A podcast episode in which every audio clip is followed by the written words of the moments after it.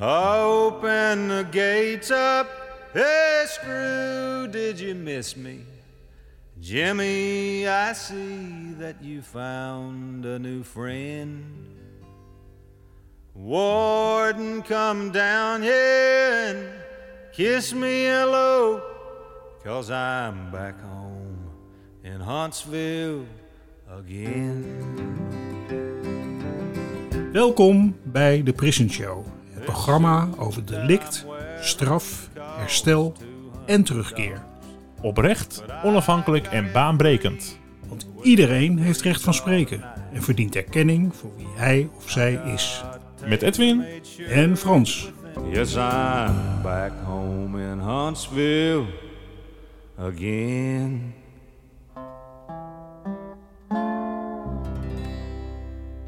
Vrienden van de Prison Show. Welkom eh, bij deze podcast. Op vrijdag uiteraard elke week weer een nieuwe in je podcastfeed.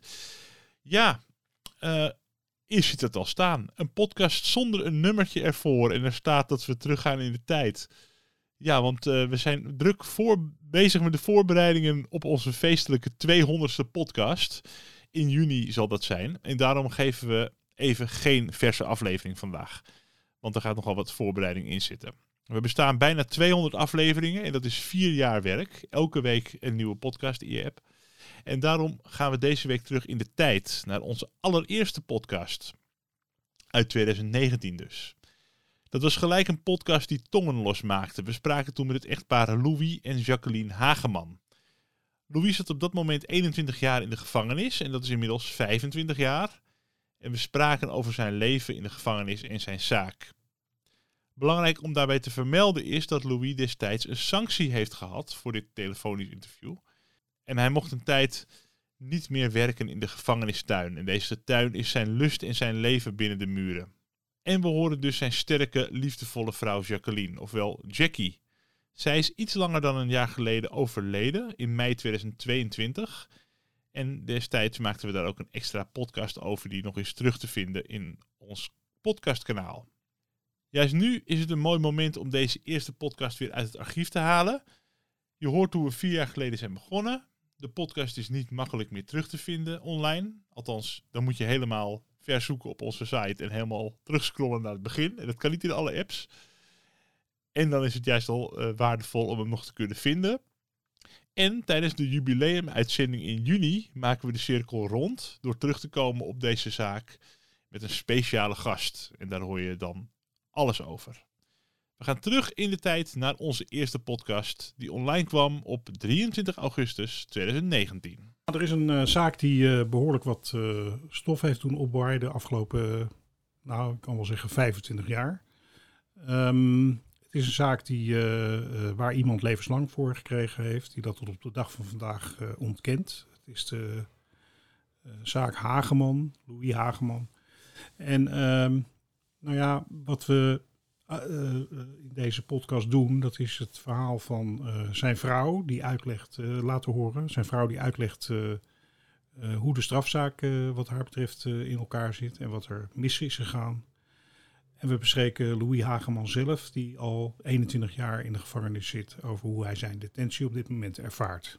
En hoe het is om in de gevangenis te zitten, levenslang, in zijn situatie. Dus we horen hem straks. Eh, we gaan nu eerst luisteren naar het gesprek dat we eerder hadden met zijn vrouw. En dat is Jacqueline Hageman. Ik ben eh, Jacqueline Hageman. Eh, ik ben getrouwd met eh, Louis Hageman, eh, die in 2002 aangehouden werd in zijn cel. Ehm, aanklacht was moord op vrouw en twee kinderen. En ehm, uit een zaak van 84. Nou, daar ben ik mee bezig, maar ik wil graag even het kort uiteenzetten hoe die zaak begonnen is. Nou, dat begint dan met eh, Peter R. de Vries. Die is in acht, even kijken, augustus 2001 met een drieluik begonnen in de Panorama.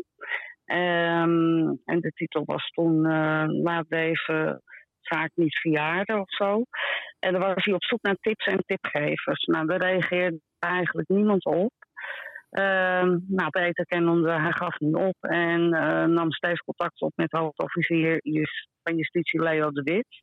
En het cold case, toen bleef hij aanschrijven en opbellen en lastigvallen.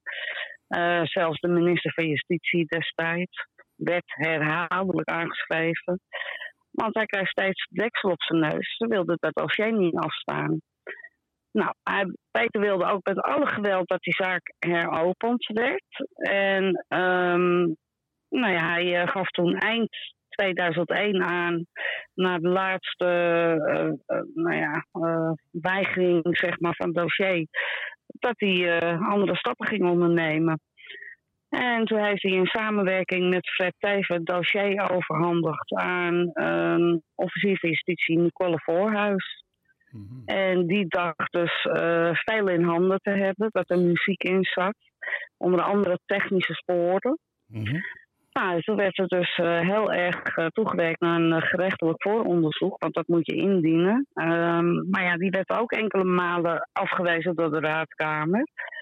En plotseling kwam Peter de Vries met een belangrijke getuige. En dat was een uh, ex-vriendin uit 1997. En hoe lang was dat nadat het uh, delict was plaatsgevonden? Uh, um, dat de vriendin? Dat, zij, dat er een getuige kwam. Hoe, hoe lang na het feit was dat? dat is um, nou ja, 2001 heeft hij haar gevonden. Dus dat is 18 jaar ja, of zo. 84. Ja, ja, okay. 84, 17 jaar.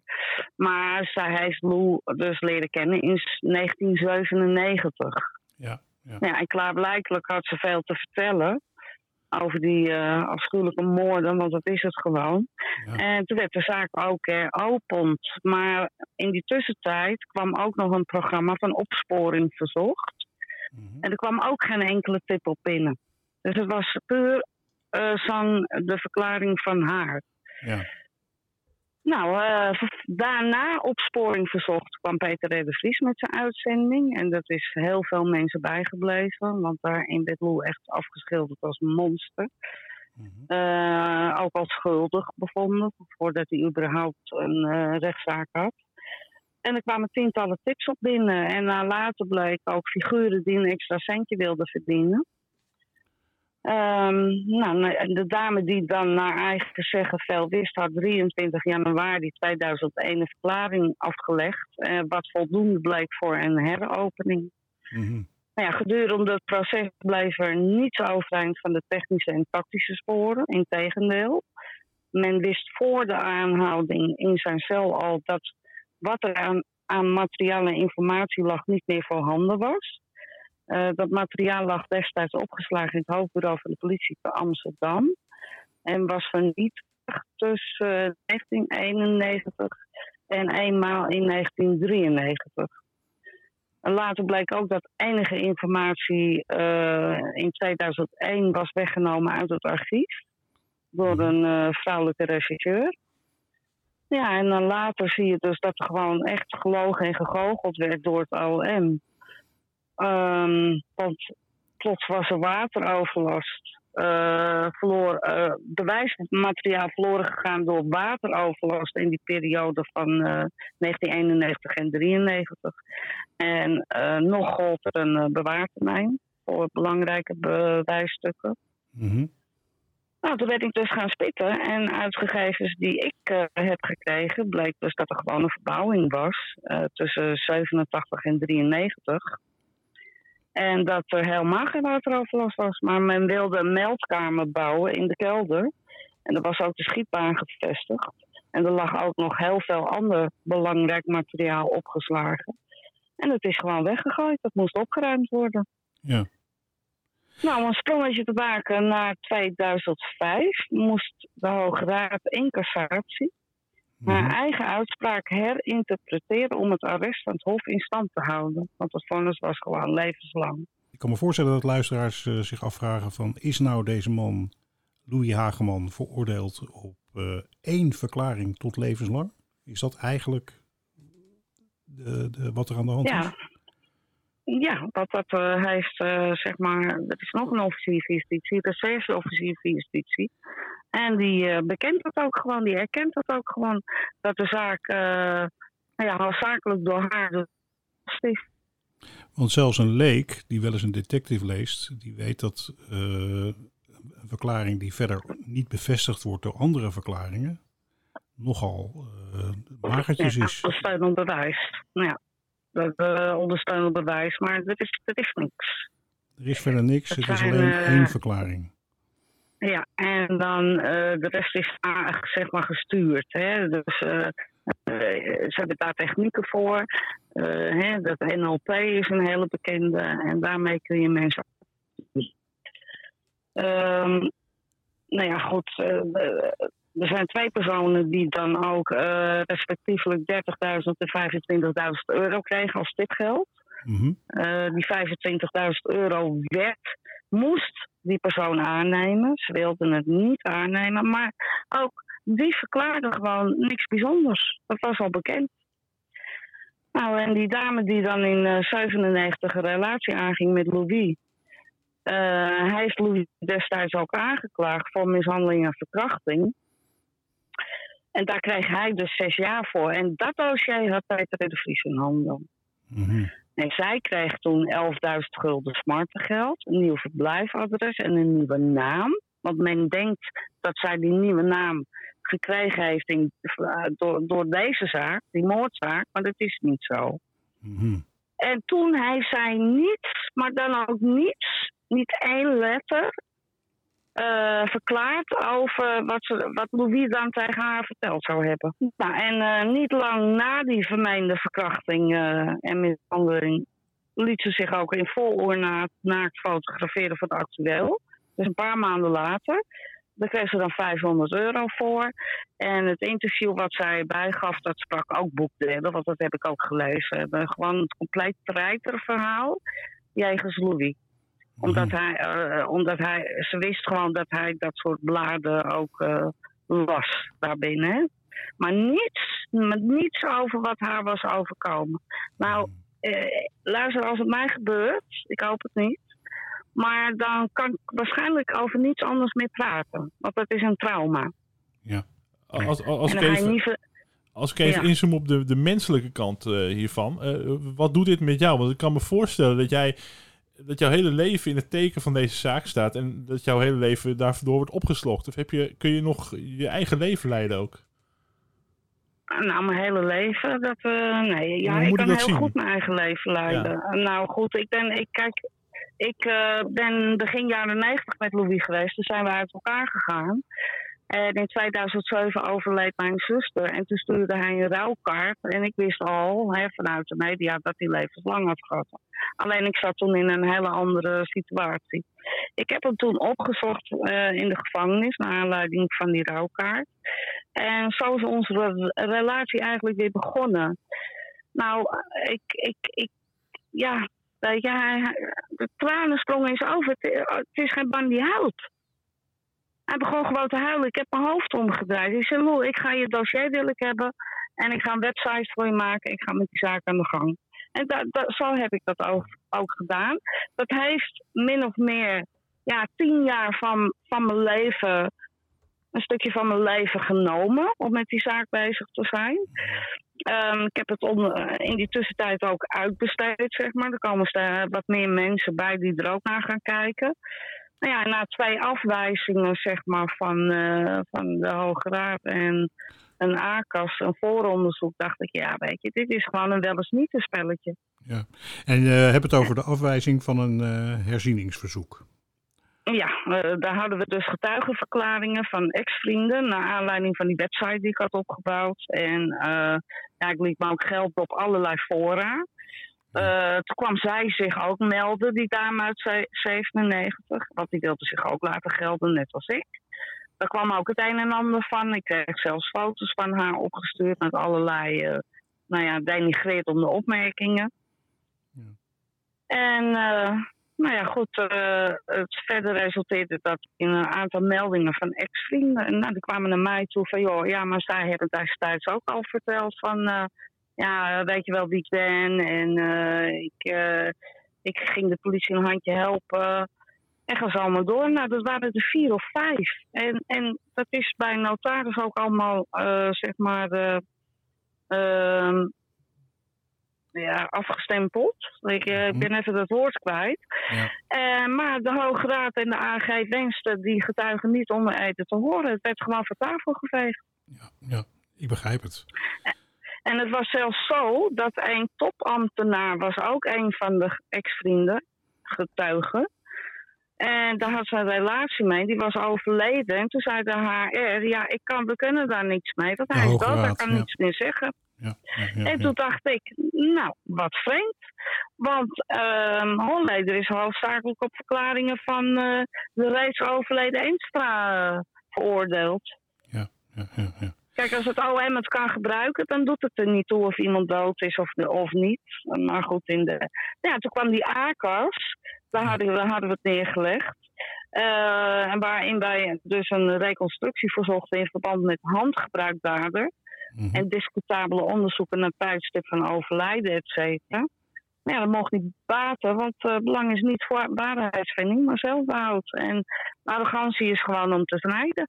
Hm. En er zijn ook meerdere zaken die als schandalig kunnen worden aangemerkt. Onder andere uh, Lucia de B, daar willen ze niet aan, hè? Mevrouw Hageman, ik denk dat het een heel helder verhaal is eh, wat u heeft verteld.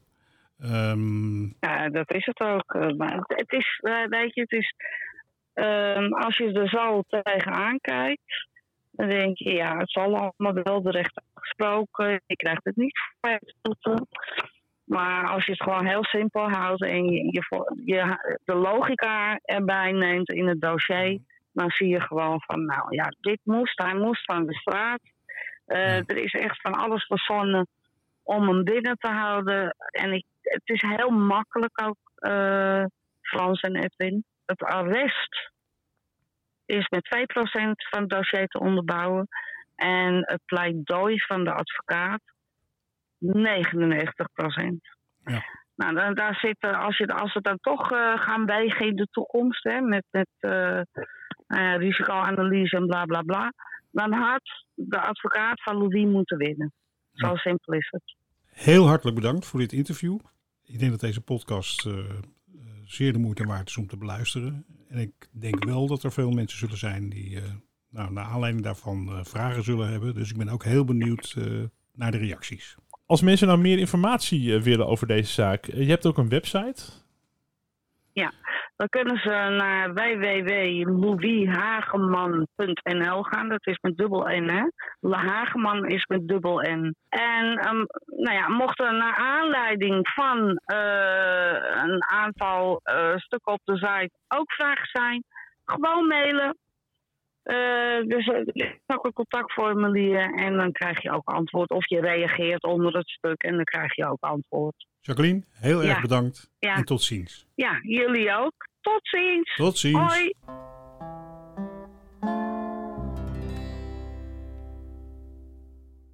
Aan de lijn hebben we Louis Hageman. Ehm, hij is eh, tot levenslang veroordeeld eh, voor een eh, moord op een eh, vrouw en twee kinderen. Waarvan hij altijd heeft gezegd dat hij het niet heeft gedaan.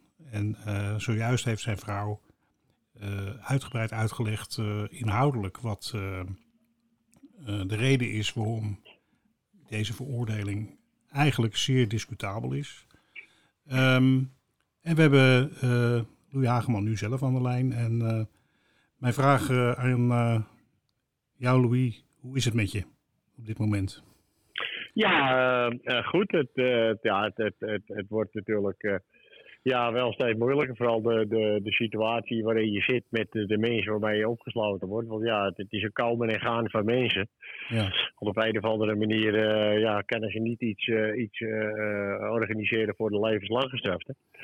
Ja. En ja, dat is eigenlijk nog wel even een dubbele straf. Daar zit je nog in principe onschuldig, dus onterecht veroordeeld vast. En dan krijg je nog allemaal te doen met mensen waarbij je op een gegeven ogenblik constant eh, ze de, de weg moet eh, wijzen van hoe ze bepaalde dingen moet doen. En eh daar word je af en toe een beetje moe van. Nou, Ja. ja. Nou had ik. het uitgangspunt was eigenlijk dat eh lang gestrafte en levenslang gestrafte bij elkaar zouden zitten. Wordt dat in de praktijk Ja. ook uitgevoerd zo? Nou, nee hoor, want ik had hier met de vroegere eh, directeur Hans Karsen, daar hebben we dus een afspraak gemaakt dat stuk waar ik dus op zit op die B0.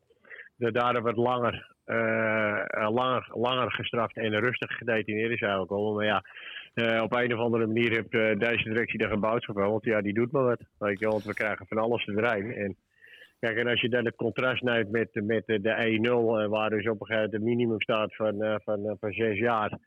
Nou, om daar te komen, uh, daar heb je dus op een gegeven ogenblik zeven gepemperde levenslang gestraften en zeven valvrije levenslang gestraften, die dus overal uh, buiten gehouden worden.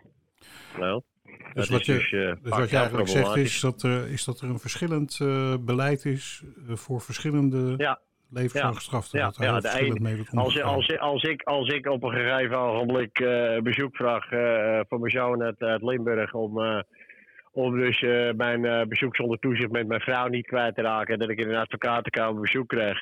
Dan wordt er geroepen van, uh, nou, vul maar een brief voor de directeur in. En als je dan op een gegeven moment op de 1-0 zit, dan, dan wordt er een PIW eruit geroosterd vanaf 9 uur s morgens tot 4 uur s middags. En uh, zelfs uh, opnieuw als dagbewijzen spreken. En dan denken we ja, ja, maar waar gaat dit nu over? Weet je wel? Uh, het, we zijn toch allemaal door de rechter, of ik nou terecht of onterecht, veroordeeld tot levenslange gevangenisstraf. Maar er schijnt toch verschillen te zitten in, in dit land. Ja, want eigenlijk zou je verwachten dat mensen allemaal dezelfde rechten en plichten zouden hebben. Zeker wanneer ze tot een bepaalde categorie behoren. Maar ja in de praktijk blijkt dat heel verschillend te zijn en hangt dat heel erg af van de afdeling waar je zit, als ik het goed begrijp.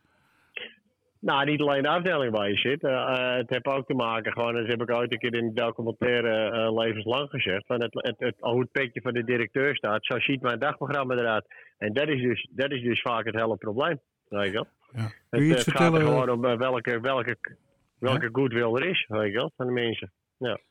En kun je iets vertellen over je dagprogramma? Wat doe je momenteel? Zo, de hele nou ja, ik, werk, ik, werk, ik, werk, ik werk de hele dag in de tuin. En dan uh, kom ik uh, s'avonds uh, kom ik dan ja, tamelijk vermoeid binnen. En dan moet je maar zorgen dat je nog even kan bellen. Want ja, dat is vaak ook een, een, een, een hekel-item. Want ja, dan zitten er er vaak kort, kort verblijf. Want dan zitten er gewoon aan de telefoon terwijl jij de hele dag gewerkt hebt, de hele dag kunnen bellen. En dan moet je proberen je, je plekje te veroveren. En dan meestal valt het wel te regelen. Maar het is vaak uh, tenen krommeld om op een gegeven moment een normaal telefoongesprek te kunnen voeren. Ja. Weet je wel? Ja, nou, en uh, dan krijg je nog eens een keer het, het, het verhaal van, uh, van het, het, het, het, het illegaal hebben van, van mobiele telefoons, waarbij de LBB gewoon uh, willekeurig binnenkomt vallen. Ik heb bij wijze van spreken in november vorig jaar, heb ik uh, eind november vorig jaar een EVA van de LBB gehad dat mijn hele cel gesloopt werd. Toen had ik op een gegeven ogenblik op uh, eh, 27 januari, s'avonds om 10 uur, komt de LBB bij me binnen, die brak mijn hele cel af. Uh, eikens van de vogels vernield tegen zomer door, duiken in mijn speakers van mijn radio. en volgende morgen om het 28e kwamen ze weer een keer bij me binnen, nog eens een keer mijn cel ondersteboven halen. Nou goed, en uh, 5 juni, 5 juli kwamen ze weer uh, Michel ondersteboven trekken. Dus dat is een beetje, ik denk dat je mensen op die manier geestelijk naar de kloot aan het helpen bent. Want ik denk dat je mensen daar PTSS mee op laat lopen.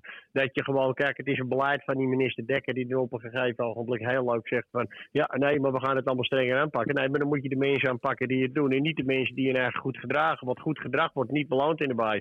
En dan uh, ga je mensen op een gegeven ogenblik gewoon maar binnenvallen wanneer jij wil en uh, de boel slopen. Dan denken we eigenlijk, ja, maar ja, goed, waar gaat dit over?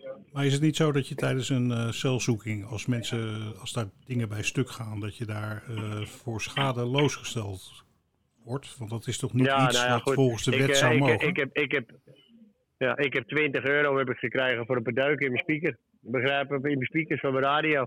Begrijp je, bedoel, dat, dat soort dus dingen. Ja, waar, waar gaat het over? Weet je wel? Je zegt eigenlijk van uh, ze zouden het gewoon niet moeten doen. Ze zouden het netjes moeten doen. Nou ja, kijk, dat, dat, dat, dat, dat ze dus op een gegeven ogenblik een, een, een, een, een, celinspecties doen, dat, dat kan ik heel goed begrijpen. Dat is helemaal geen punt. We zitten uiteindelijk wel in een bias. Dus het is niet zo van dat mensen gepimperd hoeven worden, maar het gaat wel om. Je moet wel dan op een gegeven moment gericht bezig zijn met de mensen die het eigen op een gegeven die de wet overtreden. Of je moet je veiligheidsnormen omhoog schroeven, zodat die troep niet over de muur naar binnen gegooid kan worden. Want dan moet je dus op een gegeven ogenblik je, je luchtplaatscontroles moet je gaan doen. En al die gaan. Begrijp je ik bedoel? En dat gebeurt niet. Ja, maar waar, waar, waar, komen die, die telefoontjes in de, in de first place eigenlijk vandaan? Ja, over de, over de, over de muur gewoon, meestal. Oh. Weet je wel, en voor de rest weet ik het niet. Weet je wel, dat, omdat ik mij daar niet mee bezig ga. Maar ik weet wel dat er hele pakketten over de muur gegooid worden. En eh, ja, dat is het hele punt.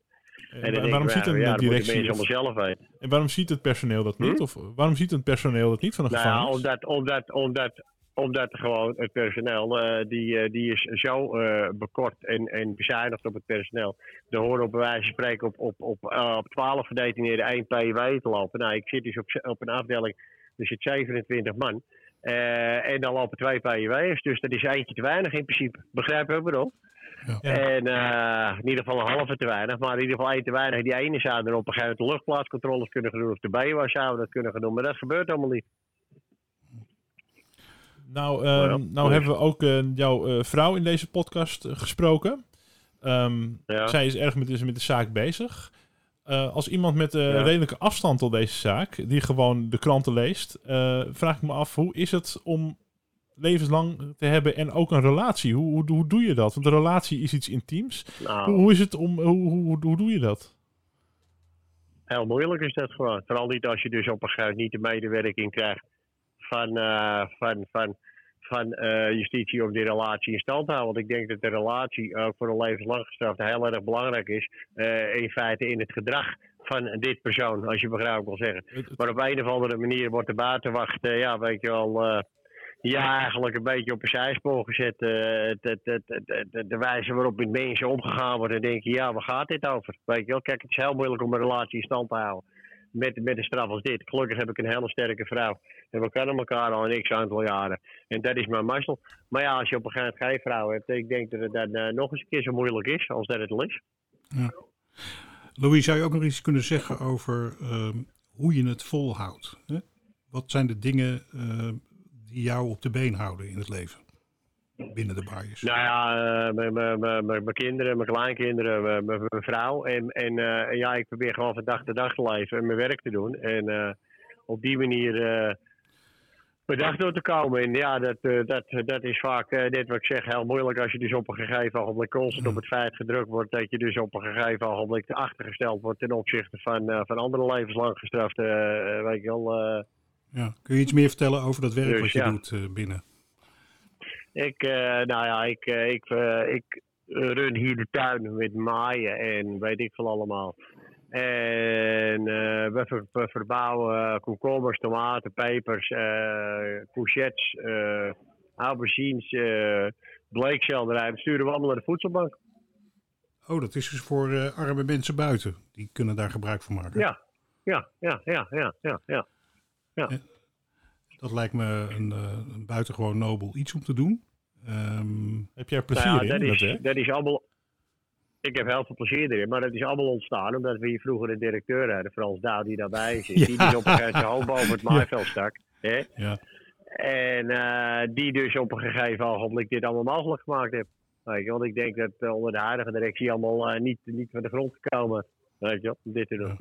Toch ben je iemand die geen pro- problemen heeft, disciplinaire problemen of wat dan ook volgens mij. Die zich wel netjes gedraagt binnen het gevangenisgebeuren, ondanks alles wat er aan de hand is. Hoe doe je dat? Hoe lukt je dat? Nou, dat wordt wel steeds moeilijker. Ik kan je een klein voorbeeld geven. Hè? Geef gewoon een Mhm. voorbeeld. We hadden het net over die 1-0. Nou goed, als de 1-0 op een urinecontroles eh, krijgt, dan gaan de deuren gaan open. Want ik krijg ondanks wel levenslange gevangenisstraf, zonder dat ik al, ik zit al 21 jaar binnen, zonder dat ik ooit eh, op drugs gescoord heb of wat dan ook, of andere dingen of andere rapporten heb gehad. Geef me gewoon een voorbeeld. Afgelopen eh, zaterdag hadden drie levenslange gestraften, waaronder ik, hadden hier eh, een urinecontrole. Nou ja, goed, dan, dan loopt er nieuw personeel die, die net uit de mayonaisefabriek gekomen is, bij wijze van spreken. die, die, doet de deur, die doet de deuren niet eens open om te vragen of je moet plassen. Dus dan, dan moet ik op een belletje drukken. Als ik ergens een hekel aan heb, is het daar. Want dat geeft mij dus, er wordt de nadruk gelegd op het gevoel van afhankelijkheid. Ja. En eh, normaal, de normaal gesproken, de oudere PW's die lopen, die doen die deur gewoon open. Want die weten dat het goed is en dat ik niet fraudeer of wat dan ook. En dat ik loop ik naar mijn wasmachine toe. Nou, dan kom ik dan zie ik op een gegeven moment, eh, de deur blijft dicht. En dan zie ik, kijk vanuit de raam de keuken in. En dan zie ik op een gegeven moment dat er al mensen lopen. Dan moet ik op het belletje drukken.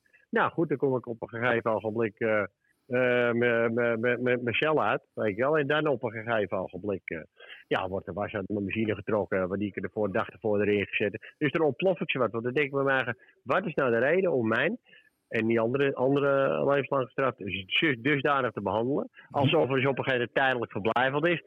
Die wel op een gegeven ogenblik met, eh, eh, eh, laten we zeggen, met contrabanden en subversieve acties bezig zijn. En iemand die zich eigenlijk goed gedraagt, die wordt er over één kamer geschoren. Dus je hebt net wat ik al zeg, geen nut om je eigenlijk goed te gedragen. Ja, ja, ja. Ja, ja volgens mij heb je een heel helder verhaal verteld, Louis. Oké, Ja, nou Louis, Hey Frans, hartstikke bedankt. we spreken elkaar. doe die jongens Ja, de groeten daar die ik nog ken. En, ja, maar dat doe, ik, dat doe ik Frans, dat doe ik. Oké, hey, bedankt hè. Doe ik. Hey, we spreken Yo. elkaar. Rustig aan Frans. Doei, Jij ook, doei, hè. doei, Hoi, hoi. doei. Yes, I'm back home in Huntsville again.